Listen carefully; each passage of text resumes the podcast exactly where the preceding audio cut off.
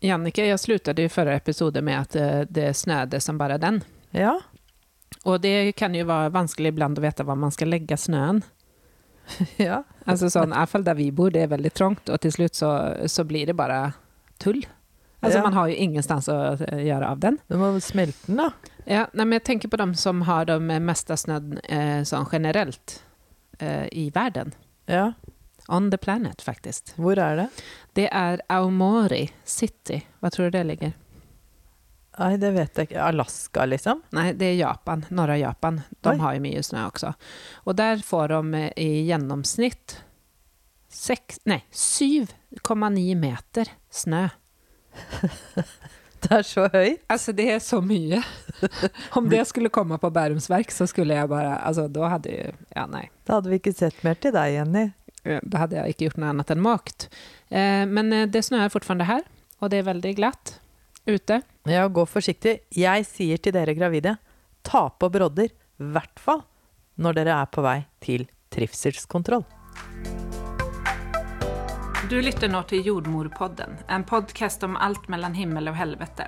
Her skal du få klar tale, kjerringråd, vi skal ha fagdiskusjoner, og vi skal dele erfaringer og opplevelser.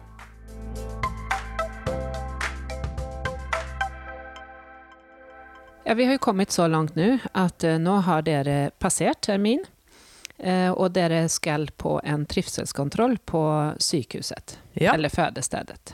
fordi denne kontrollen, som vi sa forrige gang, i uke 40, på, hos jordmor, eller noen går jo til lege også, så ble dere henvist til en trivselskontroll på sykehuset. Ja. Eh, vi, eh, på sykehuset så gjør man jo også mye av det samme.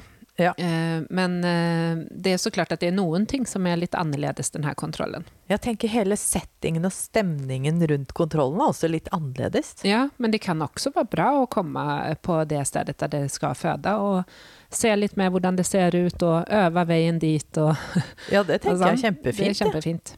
Og så møter ni noen av jordmødrene.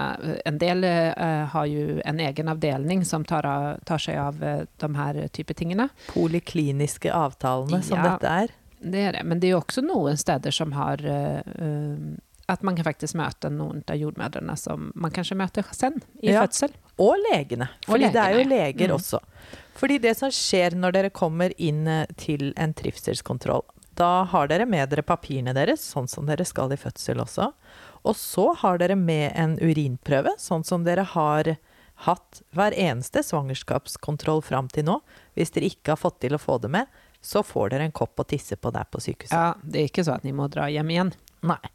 Og da sjekker vi jo uh, igjen for proteiner, sånn som vi har gjort hele svangerskapet for å uh, utelukke eller se om det er tegn til svangerskapsforgiftning, da. Ja. Og så tar vi et blodtrykk. Ja. Noen kan jo få høyt blodtrykk bare av å komme der de skal føde. Så nei, eh, nå tuller jeg litt. Men eh, det, Jo, det er sant, det, er jo, det er jo faktisk sant. Men eh, vi tar også blod, sjekker også blodtrykk mm, som vi har gjort av andre kontrollene. Også med tanke på svangerskapsforgiftning. Og jo senere det eh, blir i svangerskapet, jo mer må vi passe på det for å passe på at morkaken fortsatt virker som den skal. Ja, exakt. Eh, Men så er det noe nytt. Vi pleier å lytte på svangerskapskontrollene, men eh, nå lytter vi ikke på denne kontrollen, utan vi tar en eh, CTG, Ja, som det det er, jo, det er jo en form for lytting, Mm. men det er en, vi bruker noe annet. Ja, exakt. Ja, absolutt. det er det. Vi setter på to prover på magen som lytter, litt, lytter mer kontinuerlig på fosterlyden. Og den, det lytter vi med i minimum 20 minutter. Ja. Og den andre proben, den ene proben, plukker jo opp fosterlyden, sånn som dere er vant med, og den tegnes som en kurve øverst på det som vi kaller for CTG. Da. Um, og så den eh, andre proben, den, tegn, den måler hardheten, eller stramheten, i magen. Det vil si at hvis livmoren trekker seg sammen, så blir den jo ganske hard, hard som stein, når du har ordentlige rier. Og da tegner det seg som et sånt lite fjell på en eh, graf under fosterlyden. Ja, og man trenger faktisk ikke ha rier for at det skal bli fjeller under grafene eller lyden, utan eh, man, det kan jo hende også också vid kynnare At man ser at man kan se om limoen kanskje har litt økt aktivitet. Mm. Eh, men den kan også være helt eh, normal, Ja. altså helt vanlig. Babyen kan også sparke på noen sånne fjell noen ganger, eller stimulere til at livmoren trekker seg sammen. Da, Mm. Exakt, men så CTG er jo kanskje noe nytt. Det er kanskje noen av dere som aldri har tatt en CTG Mm. når de kommer til sykehuset, men så finnes det jo noen som er på kontroller litt ofte, som er veldig vant til at man tar det. Ja. Men da må man ligge ned, eller man må ligge ned i 20 minutter cirka. ja. Mm. Liggesitte. Liggesitte. Ja, ja, man kan sitte helt også, men Ja, og så får man også et sånn sparkeknapp. Den, den er jeg så god på å bare gi fra meg, for jeg tenker at alle vet hva de skal med den, men det er jo veldig mange som ikke vet det. det er det, og det har jo skjedd meg også, at jeg bare gitt sparkeknappen til noen, og så ikke sagt at hver gang babyen beveger seg, så skal dere trykke på knappen. Og så kommer jeg tilbake etter et kvarter og sier at babyen har ikke beveget seg. Jo, jo, den har beveget seg masser. Men de hadde jo ikke visst det, at de skulle trykke på knappen, så de har bare holdt i en sånn eh, knapp. Og det skjønner jeg jo godt. Hvis, altså, du, du er jo i en litt sånn spennende setting, og du gjør jo bare som du får beskjed om. Så hvis noen hadde gitt meg en sånn Det er jo en ledning med en sånn greie på tuppen som du kan trykke på også på en knapp. Men jeg også tror jeg bare hadde holdt i den hvis jeg hadde fått den i hånda. Ja, jeg hadde sikkert det også, og tenkte at det kanskje var noe som malte min puls. Eller, altså, ja. Ja. Men eh, det, det, så det er viktig at man forklarer, og hvis man aldri har vært med om det før, det ser man jo rett så fort. eh, Og hvis kvinnen ikke har vært med om eh, en CTG før, for at eh, de som har det, vet jo hvordan de skal ligge, og at man skal ha sånn bånd rundt magen. Og. Ja, det kan føles litt sånn eh, Ikke klaustrofobisk, da, men man sitter på en måte litt fast der man eh, er. Så det kan man jo være forberedt på at det er litt Ja, man blir sittende Det der å få bånd rundt magen og sånn, det er jo en rar greie. Det er annerledes. Så det må ikke vi som jobber der glemme, da, tenker jeg. Og det der med å forklare hva vi gjør og Fordi for oss så er det hverdagslige, rutinemessige ting. Men ikke for dere som kommer og tar deres første CTG. Nei, absolut ikke. Men, eh, og det, kan jo, det jo også fint å ha gjort det, for at ofte i fødsel så lytter vi jo eh, i perioder eller kontinuerlig hele tiden, hvis vi trenger det, eh, på babyen med hjelp av CTG. Ja. Så det å ha bånd rundt magen i fødsel, det er relativt vanlig. Ja. Men eh, det er jo også mest for kvinner som har noen type av risiko. Da. Ja. Eller at babyen plutselig har vist at den er litt rampete av en eller annen grunn. Så må vi lytte litt for å se at den Ja, det oppfører finns seg ordentlig igjen. Mange ulike anledninger. altså, också når man er indusert. så når man går i fødsel, så skal vi lytte på babyene. Så men det der får ni beskjed om hva som gäller eh, dere Ja. når dere kommer. Men da er ni i litt fall lite känt med CTG hvis ni kommer er til uke 41 eh, pluss 0 sier vi nå. men det er ju eh, uke 41 säger vi, men det, den kan ju vara syv till, fyra till syv dagar etter termin. Så det är lite forskjellig hvilken, eh, hvilken tid sykehusene tar det rundt Ja. om i landet. Ja. Noen har akkurat fire dager etter termin, andre har kanskje ja, syv dager. Og så hvis det er helg og julaften og første juledag og sånn, sånn som det er nå, da, så, så er det noen ganger at man liksom forskyver det litt. Og hvis man tenker at kanskje man må få det før, kanskje man må få det etter. Litt ettersom hvordan svangerskapet har vært, og hvilke behov dere har. Og. Ja, Ja. som igjen, vurderinger, individuelle vurderinger. Ja. Hele veien. Eh, og så er det jo etter CTG og vi har blodtrykk og och urin. Jeg har pratet litt med jordmødrene på poliklinikken. Eh, så kommer man jo til en ultralyd. Vi måler altså ikke SF-mål, denne kontrollen, utan legen vi, eh, tar et ultralyd i stedet. Ja, og det gjør vi for å måle at eh, vi sjekker fostervannsmengde særlig. For det er et tegn på Det blir noen ganger litt mindre fostervann mot slutten av svangerskapet, men vi skal passe på at det er tilstrekkelig med fostervann for at babyen kan trives. Husk at dere er på en sånn trivselskontroll, så vi skal sjekke både at babyen trives inni magen, og at mor, du, trives som gravid. Det er en trivselskontroll. Og da må vi ha nok fostervann til at babyen kan trives, så det måler legene. Og så måler man også blodgjennomstrømningen i navlesnoren. Det høres jo litt sånn skummelt og teknisk ut, tenker jeg. Ja, men ultralyd er jo teknisk. Så vi må bare det er sånn det er. Ja. Eh, og det er jo også for å se at det er bra flow, eh, normal flow eh, til babyen. ja. Sånn at den kan få den næringen den trenger eh, til å fortsette å være inne i magen. Da. Mm. Og så måler man jo ofte Hvor stor babyen er. Ja, Mm. Og man, man ser på, altså en, en del kan jo ha for mye vann. Eh, det er mange olika saker som vi ser på når eh, man tar en ultralyd. Men det er jo som en, en helcheck av at babyen eh, trives. Helsesjekk av graviditeten. Ja, kanskje noe sånt. Men det, det er litt morsomt det der når vi kaller det for trivselskontroll. For jeg, jeg vet jo at det er mange mødre som sier ja men jeg trives ikke. Altså sånn, det, man sier at både mor og barn skal trives. Och det, Jeg sier det, det er ikke sikkert at alle sier det. Nei, men, nei, men det, är därför den heter jo trivselskontroll. Eh, så det- är man i hodet føler at eh, jeg har fått nok, eh, og jeg trives ikke, det er dessverre ikke nok til å bli igangsatt, må jeg si da.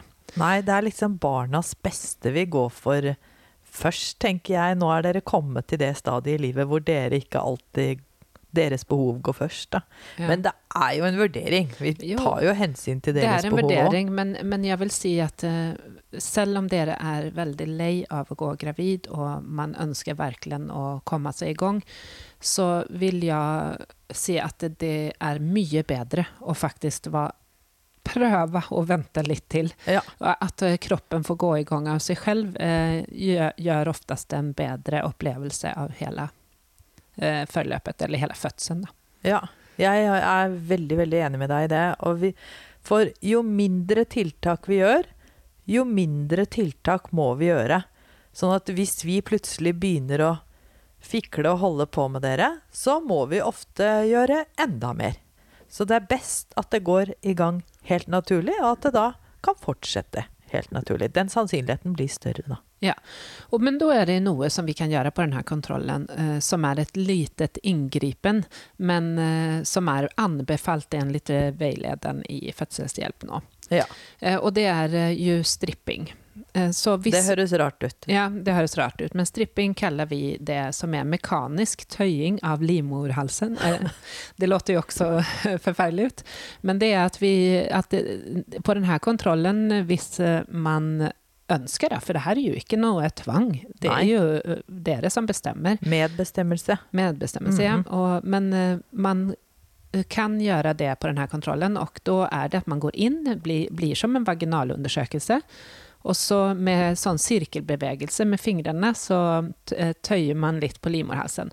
Og det er jo forskjellig hvordan, den, eh, hvordan, man kan, hvordan det kjennes ut. Eh, Iblant kommer man inn og det er en to centimeter åpent, og da kan man skille hinnene fra mormunnen. Ja, for det er det man ønsker med Eller denne strippingen. Ja, det segmentet som er lengst nede i livmor. Ja. Eh, og, men hvis man kommer inn og det er veldig umodent, man kommer ikke inn med en finger eller noe sånt, da er det jo at det stimuleres rundt åpningen, som kanskje kan sette i gang noe annet som gjør at det modnes mer. Mm. Så den her det, strippingen er jo det, det- jeg, jeg mener at den kan absolutt hjelpe noen uh, som er litt mogen allerede. Ja, det er, Mm. det er bra du er enig med fødselsveilederen, Jenny. Ja, det er bra. ja, nei, men, eh, så, men det er noen som kommer. Vi har jo snakket om det i uke 38, at det er noen eh, andregangsfødende som kommer og sier men jeg ønsker stripping, jeg ønsker all hjelp jeg kan få til å komme i gang. Mm. Men det er altså på denne kontrollen som vi eh, gjør det. Ja, denne trivselskontrollen er det anbefalt at man får uh, utført en sånn stripping. Men det som er da, hvorfor du var litt tvilende, det kan vi jo si, er jo at en sånn stripping ofte kan føre til at man får litt sånn maserier. At man Mm. får menssmurringer og vondt i magen og liksom blir litt sliten da, av det man kjenner på uten at man går i aktiv fødsel. Ja, altså det kan komme på eh, spesielt noen timer etter strippingen, og så pågå i noen timer, og så, det, så slutter det, og så Ja. blir det ikke noe mer. Eh, Så det tenker jeg også at man må få informasjon om, eller det får man informasjon om, Ja. eh, når førstrippingen, hva det faktisk kan gjøre for deg. Ja, man må vite hva man uh, går med på, da. Ellers Ja. er det jo ikke et informert valg man tar, så da Nei. gjør jo vi feil. Men vi har en hel episode vi, hvor vi har med doktor Mari Shamas, som snakker om stripping. Så det kan dere finne eh, senere i registeret vårt, som vi har snakket om stripping. Men eh, dette er i hvert fall det vi gjør det vi kan gjøre for å hjelpe dere i gang. Eh, og så kan dere fortsette å håndmelke. Ja. Det gjør jo også at eh, man faktisk stimulerer litt grann det samme hormonet som, gjør, eh, som lager rier og, og som modner. Oksytocin. Mm. Ja. Og så tenker jeg også at eh, vi, var, vi sa at man kan få maserier som ikke fører deg til aktiv fødsel, men jeg liker å si, og jeg tror, at alle de masete tingene på en eller annen måte modner både hodet og kroppen til å gå i fødsel, også babyen.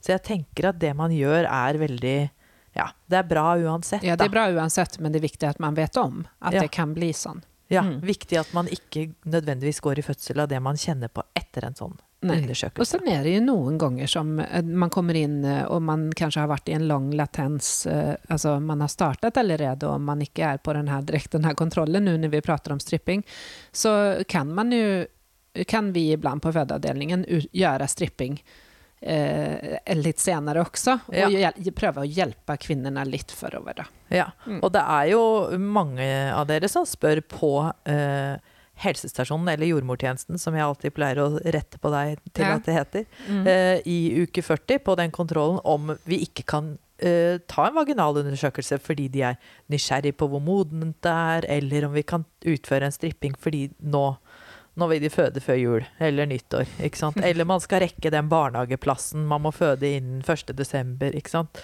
Sånne ting. Men jeg er ikke så glad i det. Men mm, hvis man er flergangsfødende, så kan man lettere si ja til det, fordi du vet at denne kroppen har vært i, i fødsel før, da. Alle går jo faktisk ikke hjem fra denne kontrollen heller. Nei. Vi, vi, vi, sjekker jo, eh, vi sjekker jo det her, eh, fordi om det er noe som vi må gjøre noe med. Altså noen har jo noen type av risiko som eksempel alder, svangerskapsdiabetes, iblant svangerskapshypertensjon, Ja. eller at de har fått eh, noen risiko, altså preklems, svangerskapsforgiftning Ja. eller kjolestase. Altså det er mange ulike saker man kan settes i gang for. Det var veldig mange. Det var en lang remse du hadde, og det er enda flere. Det er enda flere. Men så hvis man finner noe på denne kontrollen som man ikke er eh, fornøyd med, kan man mm. si det sånn, Avvik. eh, så avviker så da, går dere kanskje ikke hjem fra denne kontrollen, uten at man blir igangsatt ja. derfra. Og det er jo derfor vi gjør det. Fordi er det ikke nok fostervann, er det ikke til, eh, altså tilstrekkelig eh, med blodgjennomstrømning, er vi ikke fornøyd med det? Eh, Ja, er ikke vekten, altså har vekten eh, blitt eh, plutselig mye høyere eller mindre? Det er jo første ultralyd for mange siden uke 18. Ja, det Mm. er det absolutt. Ja, hvis ikke barnet trives, graviditeten trives, det kaller jeg mor og barn, Ja. ikke sant? Mm. Så kan det være at vi eh, starter på en induksjon. Ja. Og uh, hvordan man starter en induksjon Vi har en episode på induksjon, så vi går ikke så langt inn på det eh, i dag. Men eh, man kan jo si at man for, kan forberede seg på eh, noe vaginalt, i alle fall. Hvis det ikke er stripping, som vi snakket om før, så kanskje man får et ballongkateter som start på den induksjonen. Jeg foreslår neste kontroll. Hvis man går hjem fra denne kontrollen, så er jo neste oppsatte kontroll uke 42 pluss 0. Da eh, er det en kontroll som heter overtidskontroll. Og på den kontrollen så er det veldig sannsynlig at vi starter en induksjon, som også heter en igangsetting av fødsel. Da. Ja, det er ikke bare sannsynlig, utan det er sånn det er. Ja. Men, det, men ändå så er det jo på denne kontrollen, for å, for å vite hvor mogen man er, hvis man blir igangsatt på denne, så må man vaginalundersøke. Ja. Så at, bare at man er litt forberedt på det. Når man er på uh, fødestedet, på sykehuset eller der dere skal føde, så har man jo, ser man jo litt omgivelser også. ja. Og man kanskje har lyst til å spørre om man kan få komme inn og se litt på fødestuene, men uh, mange avdelinger har jo omvisninger uh, kanskje noen dager i uken. Men nesten alle har noen type av omvisningsfilm. Ja, det har vi laget der vi jobber, i hvert fall. Ja, den på Bærum den er veldig fin, syns vi. Ja. Har fått mye gode tilbakemeldinger på den. Og den er litt som kurset vårt, Jannike. Ja, så hvis dere ser den, tenker at det her var en veldig informativ eh, film med to flinke jordmødre, så anbefaler vi dere veldig å gå inn på Trygg til fødsel-kurset vårt. Det er kursjordmorpodden.no. Som eh, Og så får dere enda mer informasjon og enda mer kunnskap til dere skal gå i fødsel selv. Ja, det er det. Og i hvert fall gå inn og se på den filmen. Den ligger på YouTube, og den ligger på fødeavdelingen sine sider. Og hvis dere skal føde noen annet sted enn Bærum, det, for det kan jo mye vel skje, eh, så, så ligger de på de ulike avdelingene sine sider. Ja, gå liksom inn på helseforetaket, og så kommer dere dere fram til hvor denne uh, filmen ligger på fødeavdeling. Eller Mm. søke på YouTube, sånn som Ja, man kan gjøre Det da, kan også være på enklest. omvisningsfilm. Men uh, det jeg tenker Når dere gikk fra den uh, kontrollen hos jordmor i uke 40, så henviste hun til denne trivselskontrollen som dere nå har vært på på sykehuset. Men da skulle dere også få repetisjon av informasjonen om at man kan få barselbesøk av jordmor etter at man kommer hjem fra barsel, og hjemmebesøk av helsesykepleier etter jordmor har vært der, innen ti dager etter fødsel ca. Mm. Det var bra at du sa igjen, for Ja. det, det vet jeg jo at jeg til og med datt ut av selv, eh, Ja. selv om jeg vet om det. Ja. Ja, nej, så det, det opplegget starter, altså ni er ikke ferdige når ni drar fra barsel på sjukhuset, utan det fins forts, fortsatt hjelp og noen ekstra skal man si, kontroller, men Ja. besök i alle fall å få. Man blir ikke sluppet ut i mørket. Og det er én ting til som jeg syns er veldig fint for min egen del, da, litt sånn egoistisk. Det er at etter det barselbesøket også, så kan, man, kan dere få komme på sånn etterkontroll seks til åtte uker etter fødsel. Så da får vi liksom hilse på hverandre. Jeg syns det er hyggelig enda en gang da. Og det er jo fint for dere også å få summert opp litt fødsel og vise fram babyen og fortelle litt hvordan det er å bli mamma til der dere har gått på kontroll da, i svangerskapet. Ja, og få sjekket eh, kanskje noen sting og Ja. hvordan det står til eh, nedentil. Nedentil. Nedentil. Ja. Eh, det er vel egentlig det vi gjør. Jeg tenker også at man kan, det er mange som spør om denne kontrollen, Skal jeg ta med føde, födebagen? Ja. Eh, sånn. Og det, det er klart at man kan ta med den i bilen. Ni trenger ikke å ta med den inn. Og noen ganger, hvis man skal bli igangsatt, så er det fullt lov å åke hjem og hente den. Eller, altså noen ganger. Og så noen ganger så går ikke det an, men da, får ni de eh, sakene levert på sykehuset av noen annen. Det høres ut som du driver med sånn bud. Nei, ja, exakt. Nei, men eh, det, det ordner seg. Eh, selv om det skulle være så at man ikke får dra hjem. Vi Men- har episode på fødebag, men vi er også veldig opptatt av å si at man kan fint føde uten fødebagen. Ja, men eh, absolutt ta med fødebagen og ha den i bilen. Ja, men det Mm. kan veldig gjerne være at dere reiser hjem igjen med fødebagen. Ja. Og da får vi ønske deg god reise hjem, og velkommen tilbake i uke 42 pluss 0. Og da blir, da blir dere hos oss. Ja, men eh, det er nok kanskje ikke før til neste år, Jenny, så jeg eh, ønsker dere et eh, godt nyttår år, så lenge. Ja, godt nytt år. Nei, grått nytt hår, skulle jeg jeg jo si. allerede. Ja, det har vi. Vi snakkes da. Det gjør vi.